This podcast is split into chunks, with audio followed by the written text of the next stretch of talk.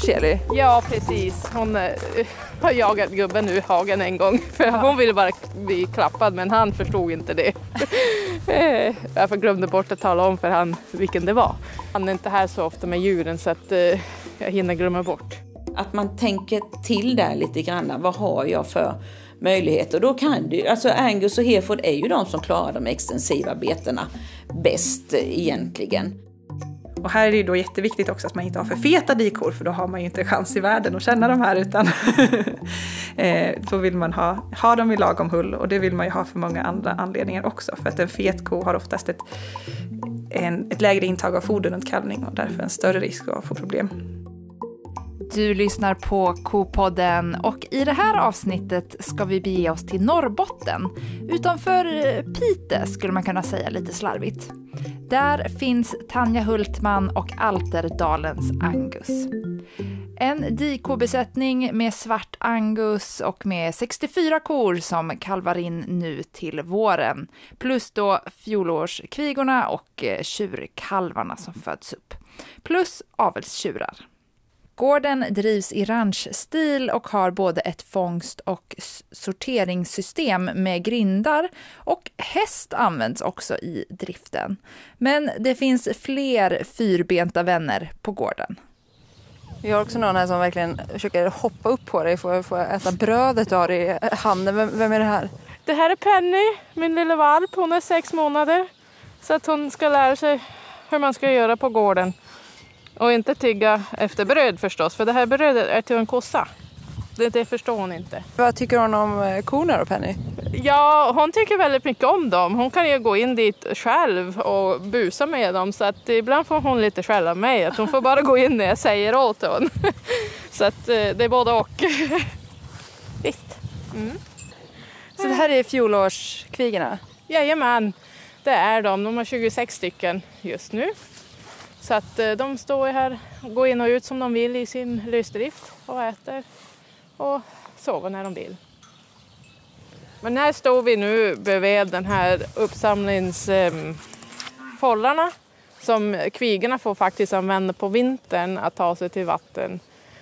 Och på, när vi håller på att sortera och så där, då stänger vi ut dem och kan samla in djuren i den där utrymmen när vi ska sortera ut kalvar eller sortera ut till slakt eller något annat.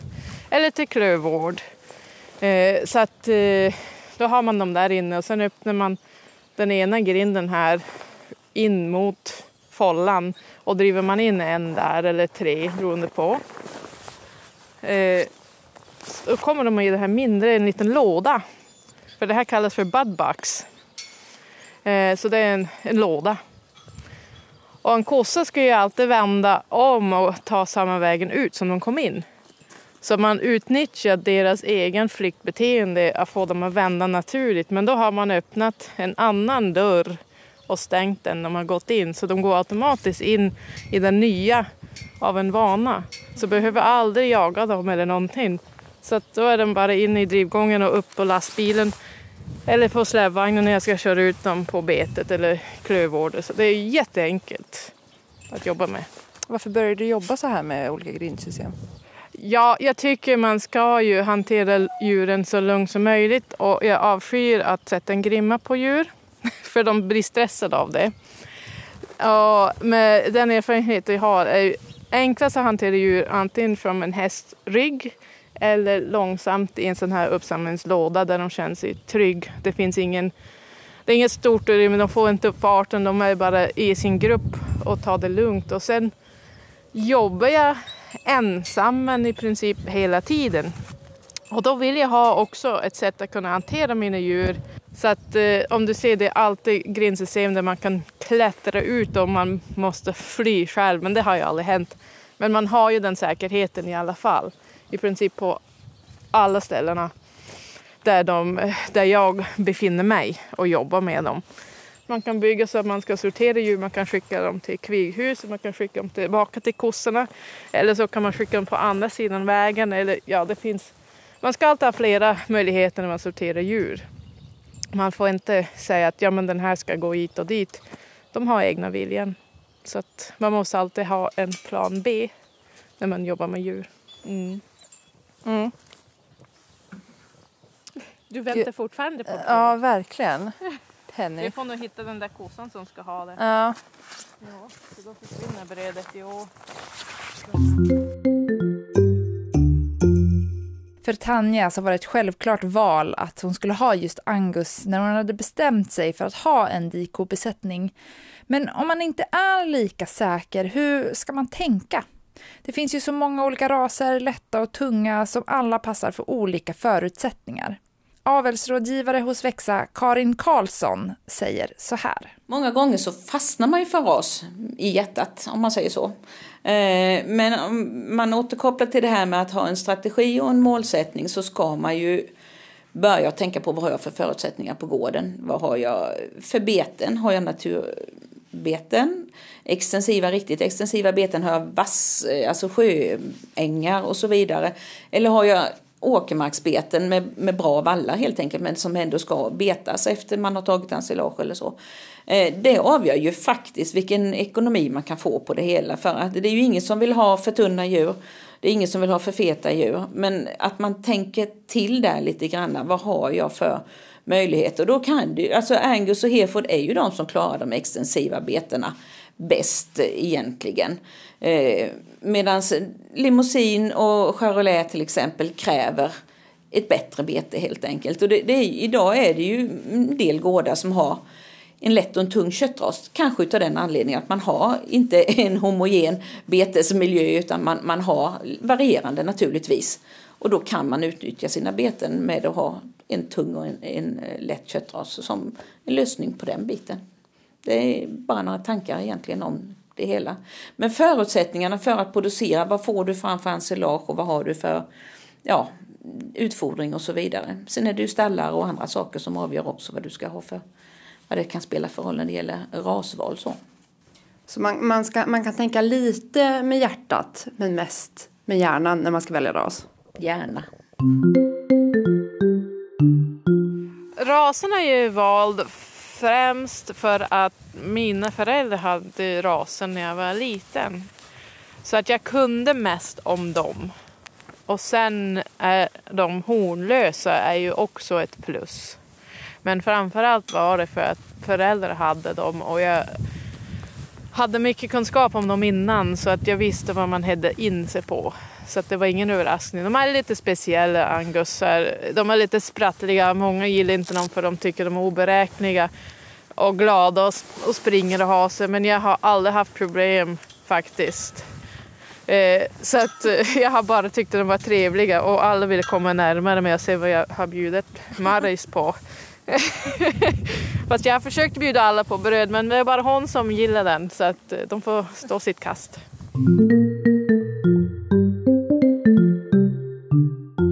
Innan man väljer ras behöver man ju också välja vilken produktionsform man ska ha och hur man ska bedriva den. Det finns väldigt många sätt att göra rätt på inom köttproduktionen, men det betyder tyvärr också att det finns ganska många sätt att göra fel på. Hur vet man då vad som är bra strategi för just sin gård? Produktionsrådgivare hos Växa, Jannica Kraft, säger så här. Så jag skulle säga att det är avgörande att ha en strategi. Eh, verkligen. Eh, att titta på sin gård. Vad har jag för marker? Vilka typer av foder kan jag producera? Eh, hur mycket beten har jag? Vilken typ av beten har jag? Det avgör ju vilken typ av produktion man ska ha. Eh, för kan jag inte, man ska liksom inte ha dikor om man inte har beten och man ska inte ha tjurar om man bara har beten. Alltså så man anpassar produktionen efter sin gård. Sen får ju såklart även ens intresse och hur mycket man vill jobba och om man vill ha intensiva kallperioder eller om man vill ha en produktion som är mera året runt. Det väger ju också in. Men att ha rätt strategi på rätt gård är avgörande för att lyckas med köttproduktionen. Hur vet man då vad som är rätt strategi för just sin egen gård? Ja, till exempel om man lägger om från mjölk till kött så tycker jag absolut att man ska titta på de nyckeltal man har från mjölkproduktionen och se vad kan jag lära av dem. Har jag hög inkamningsålder eller låg avkastning? Om jag ligger under medel i Sverige till exempel.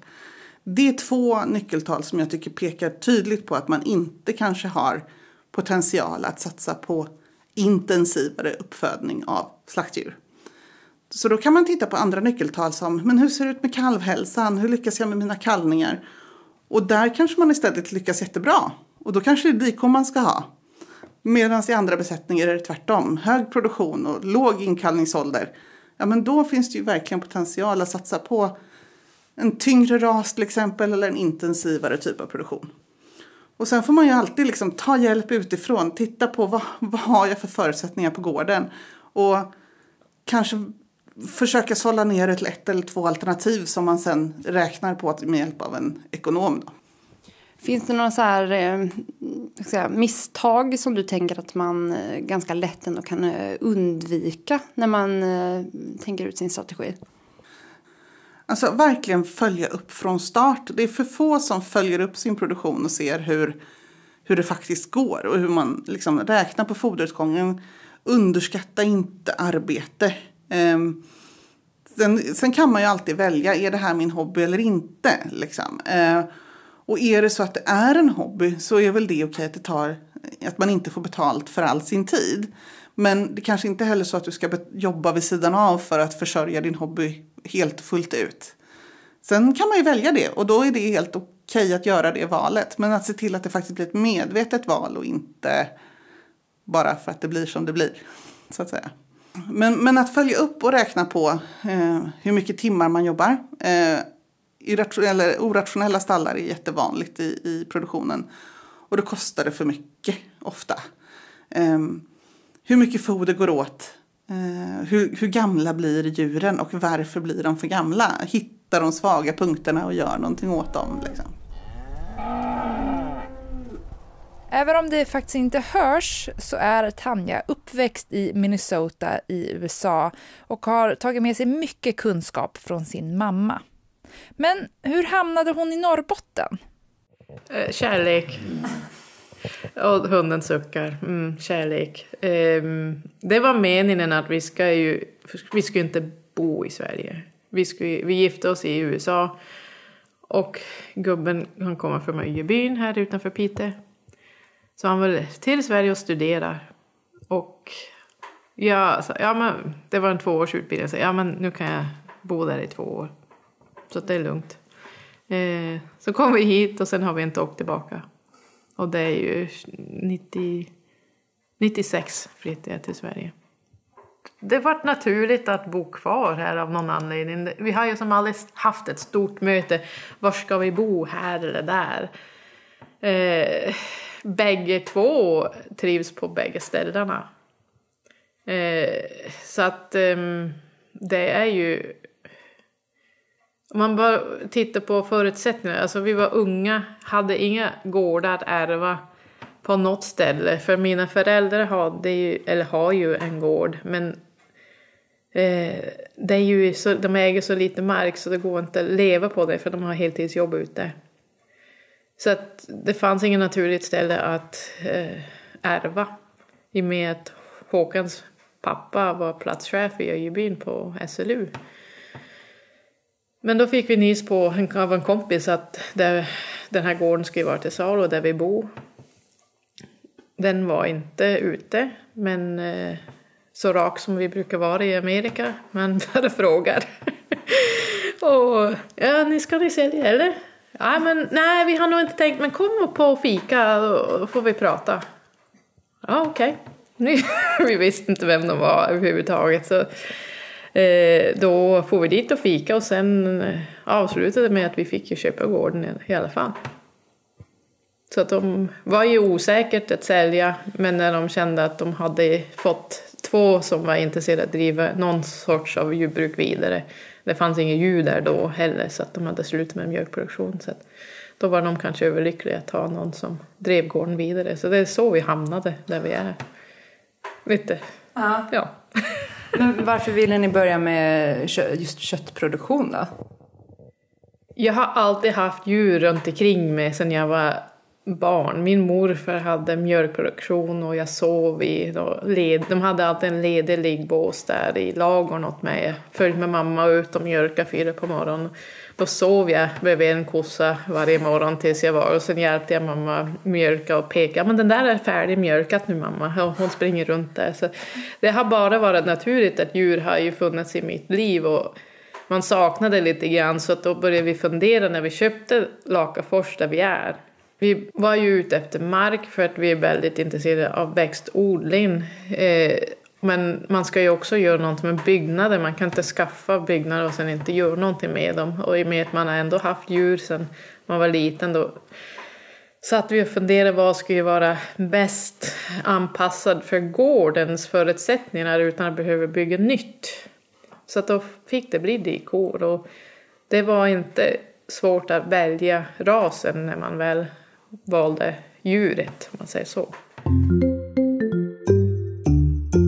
Avelsrådgivare hos Växa, Karin Karlsson. När man jobbar med avel, det är ju en väldigt långsiktig grej. Att det liksom sker ju inte på en dag, man ser inte förändringen direkt. Att det är ju alltid ett långsiktigt arbete. Men om man är precis i startgroparna, hur, hur ska man börja? Man ska börja med att eh, gärna köpa stamboksförda djur så man vet vad man får. Eh, renrasiga då, om man har tänkt att vara en avelsbesättning och, eller sikta in sig på renrasiga djur i alla fall och vara med kanske i kapavel då. Eh, och sen, ja, fråga mycket. Lyssna på alla med erfarenheter. Det är olika erfarenheter säkert men man kan ju alltid få veta någonting om man lyssnar väldigt noga och frågar väldigt mycket. Jag tror det, det är väldigt bra och det är ju många som har hållit på i många, många år men att man, man tar till sig de erfarenheterna utan att låsa sig vid dem utan ändå ha sina egna förutsättningar för ögonen. Hur, hur gör man då en bra strategi och sätter bra mål för sin besättning? Ja, det, alltså papper och penna är ju rätt så bra. Skriva ner vad har jag för förutsättningar och gärna ta det kanske i dialog med en av våra avelsrådgivare som man kan ju ha, ja fyra ögon ser mer än två helt enkelt då, att man kan ta en diskussion och eh, att man är ett bollplank och ja, ta en resonemang. Har du tänkt på detta? Vad är det för förutsättningar där? Hur, hur får du ensilage eller vem gör vad och så vidare. Att man på så sätt kan eh, skriva ner och följa upp. Och uppföljning är ju likadant och reflektion över varje kalvningssäsong och vidare. Att man ser att ja, det blir som jag har tänkt mig eller vad ska jag göra för att eh, det ska bli som jag har tänkt mig om det inte lyckas. Men framförallt ta, använd oss som bollplank. Oavsett vilken kategori av personal vi är inom Växa så kan vi ju vara det. För Tanja på Altedalens Angus så var just Angus ett självklart val. Och hon har också en väldigt tydlig bild för hur hon vill ha sina djur. Ja men du ser ju eh, skillnad på hon, storleken jämfört med den ko som står bredvid hon. Det skiljer Ah. säkert eh, ja, 20 centimeter i alla fall. Ja, hon är, Hon är stor. bra mycket större alltså. Jo, hon har långa ben och hon är jättesnäll men tyvärr kommer inte benen hålla. Eh, så hon är inte så gammal, hon är ju bara fem år. Så att eh, tyvärr. Maris, jättegullig, jättetrevlig. Inte direkt vad du vill ha av dina djur. Hur vill du ha dina djur då när du liksom planerar din avel? Jag vill ha dem lite gammaldags Angus. Eh, lite, väldigt korta ben, väldigt fyrkantiga och ett bra linne och framförallt bibehålla deras lätta kalvningar där man inte behöver ingripa. Det måste man ha faktiskt lite koll på. Så att eh, det är ju en här, nummer 192 här. Hon heter Saga. Hon är också en sån här tam brud som brukar vilja bli klappad. Hon är lite mer den typen jag vill ha. Så att man, du säger, de börjar bli lite jämnare med att få jobba med mitt avel i ryggarna. Det är bra att ha foderbord här ute. För då kan man se dem på ett annat sätt. För där ser du en annan 59-54. Då blir det helt plötsligt 30 centimeter till på dem. Och de är inte optimalt. De är jättetrevliga, de ger jättefina avkomna. Det är inget det. Men det är inga djur som kommer hålla i längden med den vikten och de där långa benen. En viktig period för alla dikobesättningar är ju såklart kalvningsperioden, oavsett hur man väljer att ha den. Det är en väldigt känslig period för både kon och kalven och sen är det såklart otroligt viktigt att kalven får i sig råmjölk både snabbt och rikligt för att kunna börja bygga upp sitt immunförsvar. Så här säger Lova Göransdotter, veterinär hos Växa i Norrbotten. det är ju jätteviktigt att man har en bra rutin för att se vilka kor som är nära kalvning och se till att flytta dem till sin kalvningsbox eller sin kalvningsavdelning i tid, helst innan de faktiskt har börjat kalva för att de blir väldigt stressade av att bli flyttade medan de kalvar. Man tittar på dels om de har börjat fylla i djuret och har de det så brukar jag känna på bäckenbanden, det är ju jämte svansen. Eh, och då är de väldigt spända innan de kalvar och ungefär 12-24 timmar innan de ska kalva så börjar de här luckras upp och då blir det mer som en grop där i.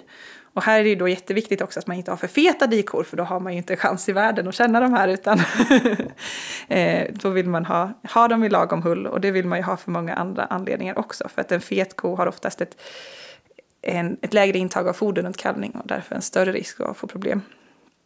Så det är viktigt att ha en bra mineralbalans. Vi har ganska fattigt med selen i marken i Sverige. Eh, och selen är viktigt för att kalvarna ska komma igång och, eh, och vara pigga. Så det är också viktigt att tänka på att man ger extra selen i mineralfodret. Och en del behöver även ge extra selen till kalvarna när de är födda.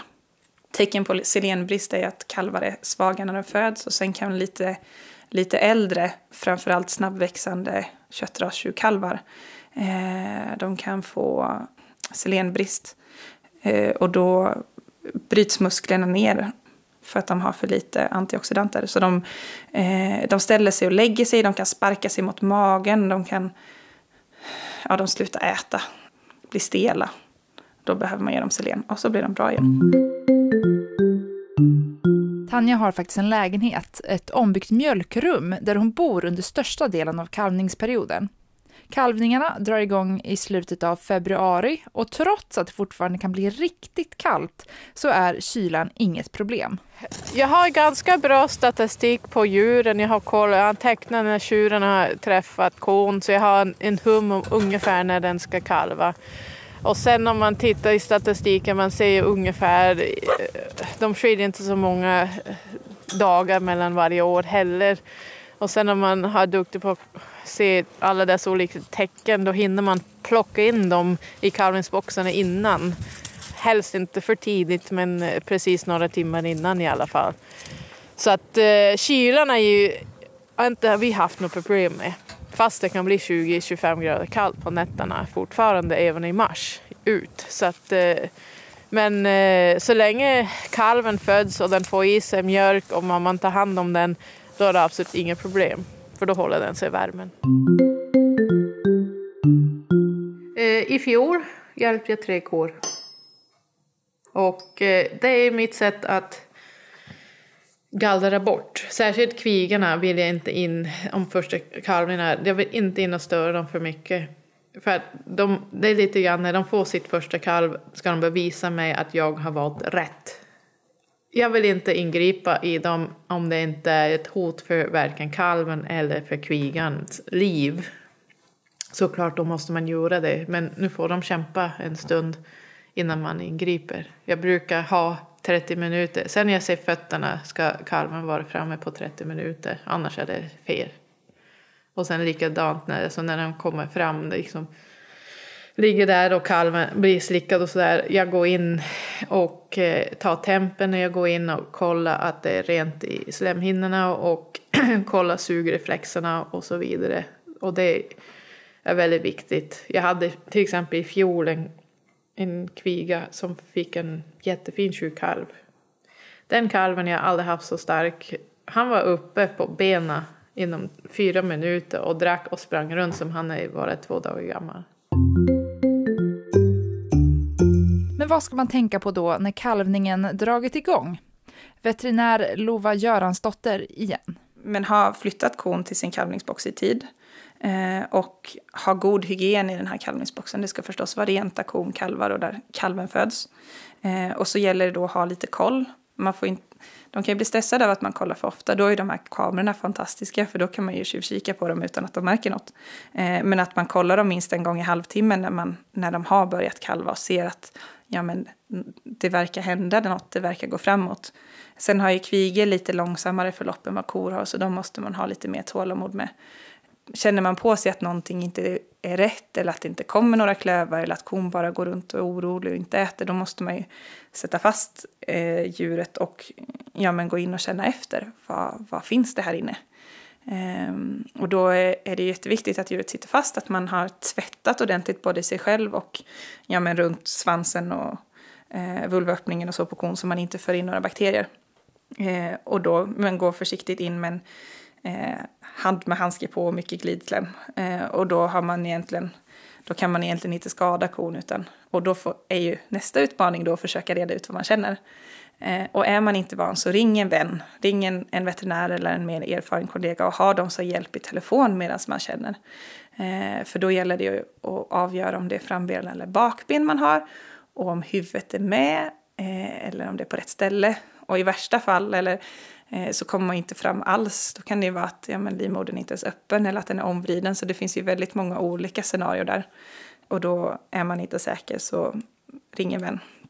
Och det jag tänkte på också att det är bra att ha en del saker hemma innan kalvningssäsongen börjar. Ja men tvål och en vattenhink som man kan tvätta rent. Sådana här långa handskar eh, som man kan gå in långt med händerna. Eh, korta plasthandskar är också bra. Mycket glidslem. Det kan hjälpa om kalven är lite för stor att man liksom smörjer till det. Förlossningsrep eller kedjor så att man kan sätta fast det i fötterna när man, om man behöver hjälpa dra, till att dra. Eh, att man har en nappflaska så man kan mjölka ur lite råmjölk. Eh, kanske till och med köpa frusen råmjölk från en, en mjölkbonde om man är dikoproducent. Och sen kan det vara bra att ha saltbalans eh, och sond och febertermometer lite längre fram när kalvarna är födda om något skulle bli problem. När behöver man ringa efter hjälp på riktigt? Dit, liksom kalla dit en veterinär? Det är ju jättesvårt att säga, men när det är inte exakt när, men om man, om man känner att så här, när man har gått in och känt att så här, men jag, det här reder jag inte ut, då är det bra att ringa en veterinär. Och det kan ju vara bra att ringa en veterinär och rådfråga redan när man börjar känna sig osäker. Ibland är man ju nöjd i onödan, men, men ganska ofta så finns det ju något befog med ens nojighet. Och är det så så är det bättre att man kan hjälpa till innan det är alldeles för sent. Det är klart att men kvigorna behöver ju kanske fyra timmar på sig från att, att vattnet har gått tills att, att man behöver känna sig orolig, att man behöver hjälpa till. Eh, och en äldre ko kanske ett par, tre timmar. Men, men känner man att men det här reder inte jag ut eller att jag har försökt nu en stund och det går inte, då är det bättre att ringa till en veterinär ja, men ganska tidigt så att man har fortfarande en fräsch ko när man vill, när man ska hjälpa till. Då. Tanja har huvudansvaret för djuren i verksamheten medan hennes man Håkan är den som står för växtodlingen. Och när det kommer till vad som är viktigt i produktionen, då kommer djuren först. Ja, det är absolut är att de, de mår bra. Och man ser att de mår bra och, och är nyfiken på när man går in dit att de inte bara far iväg.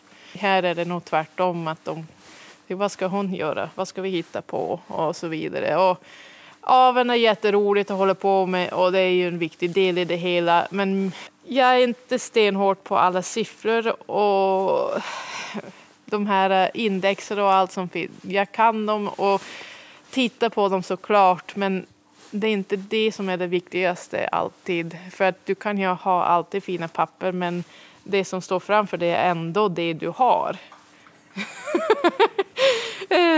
Det som kommer fram och hon blev, hon blev väldigt nyfiken på en gång. Ja, hon var väldigt bestämd och ville komma fram. Så där liksom, glöm inte bort mig att tala om vad jag har gjort. Nej, jag ska inte glömma bort dig.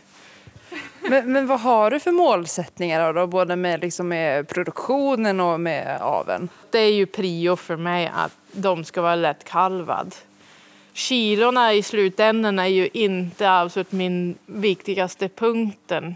Jag kan säga så för att mina djur säljs inte direkt till slakteriet. Jag har den förmån att kunna sälja allt kött från gården. Så att jag är inte riktigt tvungen att pressa den där lilla, de där kilorna som jag fortfarande inte är värt den där extra jobben ibland. Alltså man måste som räkna på mycket. Jag vill ha nöjda konsument som kommer hit och hämtar sin köttlåda. Och jag vill att de ska känna sig trygga när de handlar hos oss och att det håller en jämn kvalitet hela tiden. Och det är ju vad jag odlar fram och hur jag hanterar min djur som avgör kvaliteten i slutändan. Så att jag, det är det som är vikten och det är det som jag och min man är ju väldigt bra på det sättet. Han lägger sig inte in på djursidan. Han är ansvarig för växtodlingen. Jag lägger en beställning vad jag vill ha för kvalitet och, då får, och antal eh, kilo eller baler för vi bara utfoder med rundbal i dagsläget. Och då får han producera det åt mig på sommaren. Såklart är jag kör traktor och pressad om han måste fara iväg på sitt jobb och så vidare. Men eh, han har huvudansvar för planeringen av marken och hur den ska roteras och så vidare. Så att eh, vi har våra arbetsområden.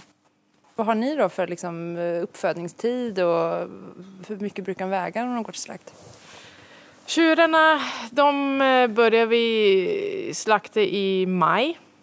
Eh, så de är ju ungefär 14 månader när de börjar åka.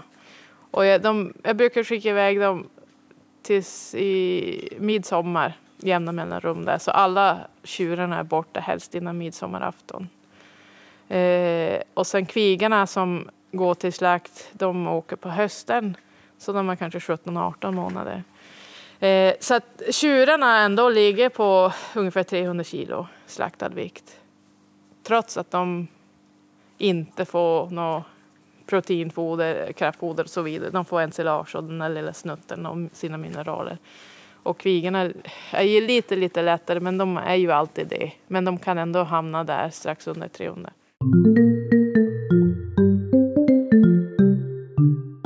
Innan pandemin hade man också en gårdsbutik, men nu säljs allt kött i köttlådor. Man har också insåg att eh, när pandemin kom, då ökade också försäljningen.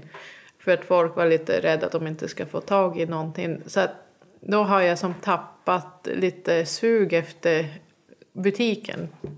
Hittills har inte varit problem att bli av med köttet. Det är snarare om att på hösten när de vet att det här är de sista som åker. Att, men hur ska jag klara mig till våren?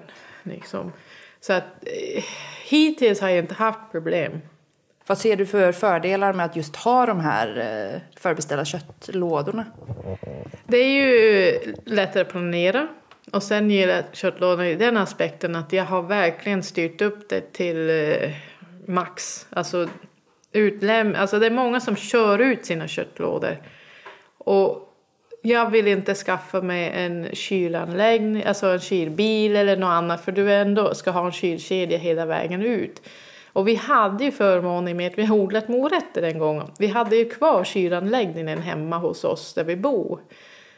Och då vill man utnyttja den. Så att när köttet kommer tillbaka då är det inte panik att bli av med det.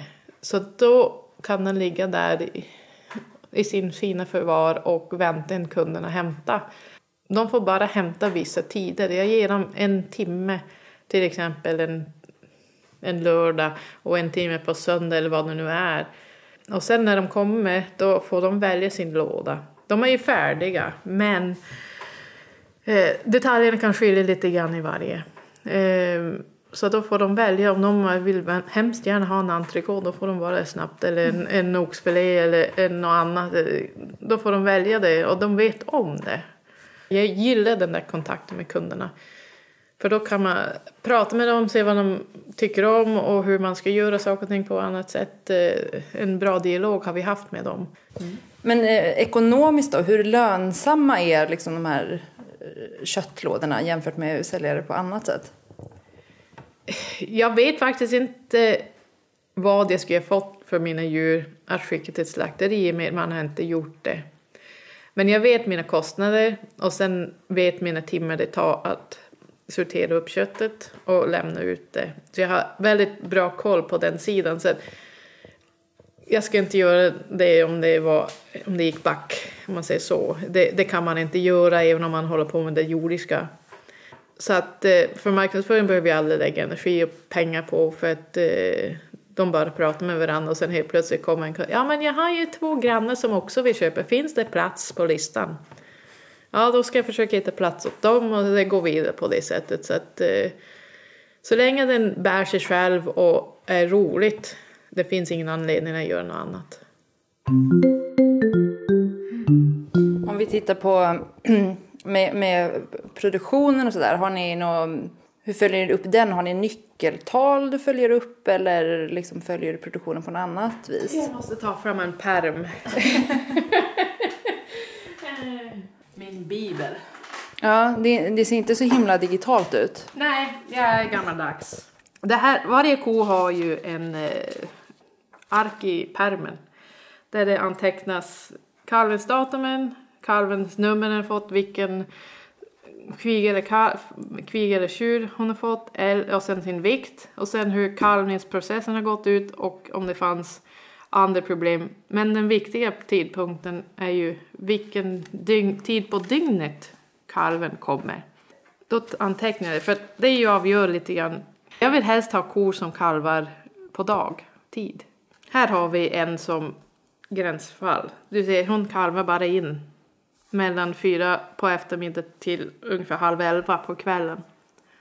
Och de då som eh, bestämmer sig för att kalva på natten, de... De är ganska högt prioriterat att åka ut från besättningen oavsett vilken stamtavla de har. Men det här är vad min mamma har lärt mig. och utöver den bladen, då skrev jag en annan bok. En dagbok kan man säga. Och det här är ju liksom, när jag tagit in hur kändes liksom detaljen på kalven, var benen liksom starka när den stod upp, hur lång tid tog det innan den klev upp, det är väldigt viktigt. Hur lång tid tog det innan den började dricka och hela den här biten finns antecknat i mina papperna här. Du har konumret och sen datumet och så ja, men om jag behövt ge något extra tillskott eller något annat liksom. Allt finns i de här och de här läser man genom Sen när man också ska eh, välja ut kvigerna. Ska jag verkligen välja ut en kvig efter den här, om den här bladen är ju så himla långt? Väger du djuren någonting? Jo, i och med att de är stambokförda. Då ska de vägas när de föds och sen vägas vid 201 årsdagen. Eh, jag väger faktiskt kalvarna också eh, när de är födda och efter de lämnar kalvningsboxen så att jag vet, för det, vissa behöver vara kvar i kalvningsboxen längre än andra. Eh, så att då väger de en gång till innan de åker ut så jag vet att de har vuxit så pass. Vad tänker du om framtiden då? För, för dig och för korna och för hela verksamheten? Jag ser det väldigt positivt egentligen. Um, ja, omvärlden är ju som den är. Det kan man inte riktigt påverka. Det enda man kan göra är göra sitt bästa på sitt eget ehm, plats i livet. Och hoppas att det räcker. Men eh, gårdarna vi har nu byggt upp och, och fått någon vettig produktion på både fältmässigt och i lagen är vi inte tvungna att lämna över det till våra barn om de inte vill ta över det när vi går i pension ska vi inte sitta på dessa gårdar bara för att vi kan. De ska säljas bort och ge möjlighet till någon annan ungdom eller en annan person som inte är släkt eller så vidare om inte våra barn vill ta över dem. Det har alltid varit målet att de ska vidare i produktion någonstans.